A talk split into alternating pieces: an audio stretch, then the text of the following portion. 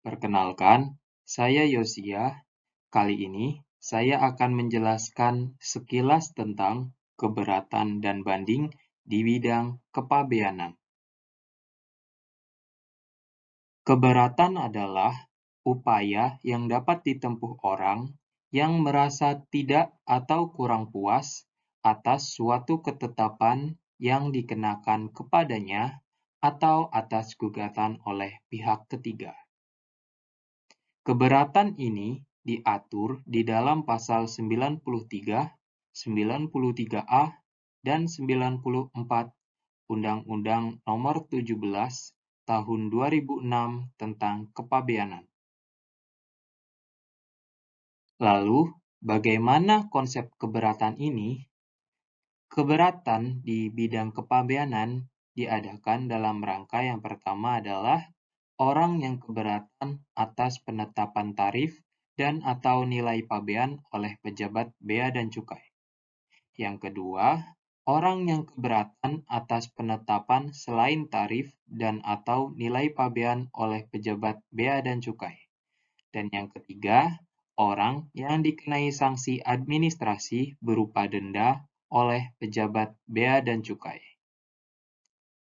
Tujuan adanya keberatan adalah untuk menjamin adanya kepastian hukum dan manifestasi asas keadilan yang memberikan hak kepada pengguna jasa.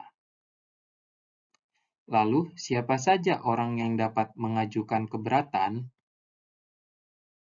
Pemohon keberatan adalah importir, eksportir, pengusaha tempat penimbunan sementara, pengusaha tempat penimbunan berikat, pengusaha pengurusan jasa kepabeanan, pengusaha pengangkutan, orang yang namanya tercantum dalam angka pengenal impor, atau orang yang diberi kuasa. Lalu, apa saja yang menjadi objek keberatan? Objek keberatan ada empat, yaitu yang pertama, penetapan tarif dan atau nilai pabean untuk penghitungan bea masuk yang mengakibatkan kekurangan bea masuk, cukai, dan pajak dalam rangka impor. Ketetapannya dapat berupa SPTNP, SPP BMCP, atau SPP. Lalu yang kedua, penetapan selain tarif dan atau nilai pabean untuk perhitungan bea masuk. Surat penetapannya dapat berupa SPP atau SPBL. Yang ketiga, pengenaan sanksi administrasi berupa denda atau SPSA. Dan yang keempat, pengenaan bea keluar atau SPPBK.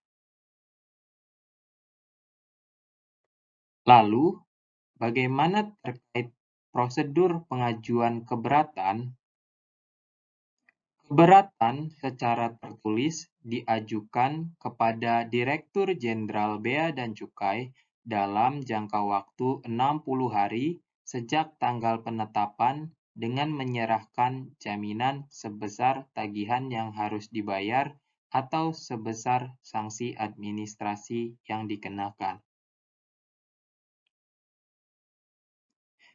Jaminan tersebut tidak wajib diserahkan dalam hal barang impor belum dikeluarkan dari kawasan pabean.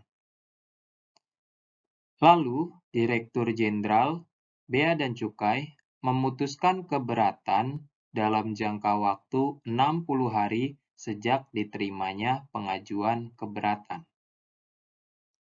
Apabila keberatan ditolak oleh Direktur Jenderal Bea dan Cukai, Jaminan dicairkan untuk membayar bea masuk dan atau sanksi administrasi berupa denda yang ditetapkan dan apabila keberatan dikabulkan, jaminan dikembalikan. Apabila dalam jangka waktu 60 hari Direktur Jenderal Bea dan Cukai tidak memberikan keputusan, keberatan dianggap dikabulkan dan jaminan dikembalikan. Lalu, apabila pengembalian jaminan dilakukan setelah jangka waktu 30 hari sejak keberatan dikabulkan, pemerintah memberikan bunga sebesar 2% setiap bulannya paling lama 24 bulan. Selanjutnya yaitu adalah banding. Menurut Undang-Undang Pengadilan Pajak, banding adalah upaya hukum yang dapat dilakukan oleh wajib pajak atau penanggung pajak terhadap suatu keputusan yang dapat diajukan banding berdasarkan pada peraturan perundang-undangan perpajakan yang berlaku. Banding di dalam bidang kepabeanan diatur di dalam pasal 95 Undang-Undang Kepabeanan.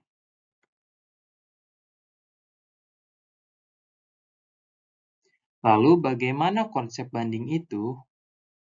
Banding diajukan dalam rangka yang pertama atas penetapan Direktur Jenderal atas tarif dan nilai pabean sebagaimana dimaksud dalam pasal 17 ayat 2 Undang-Undang Kepabeanan.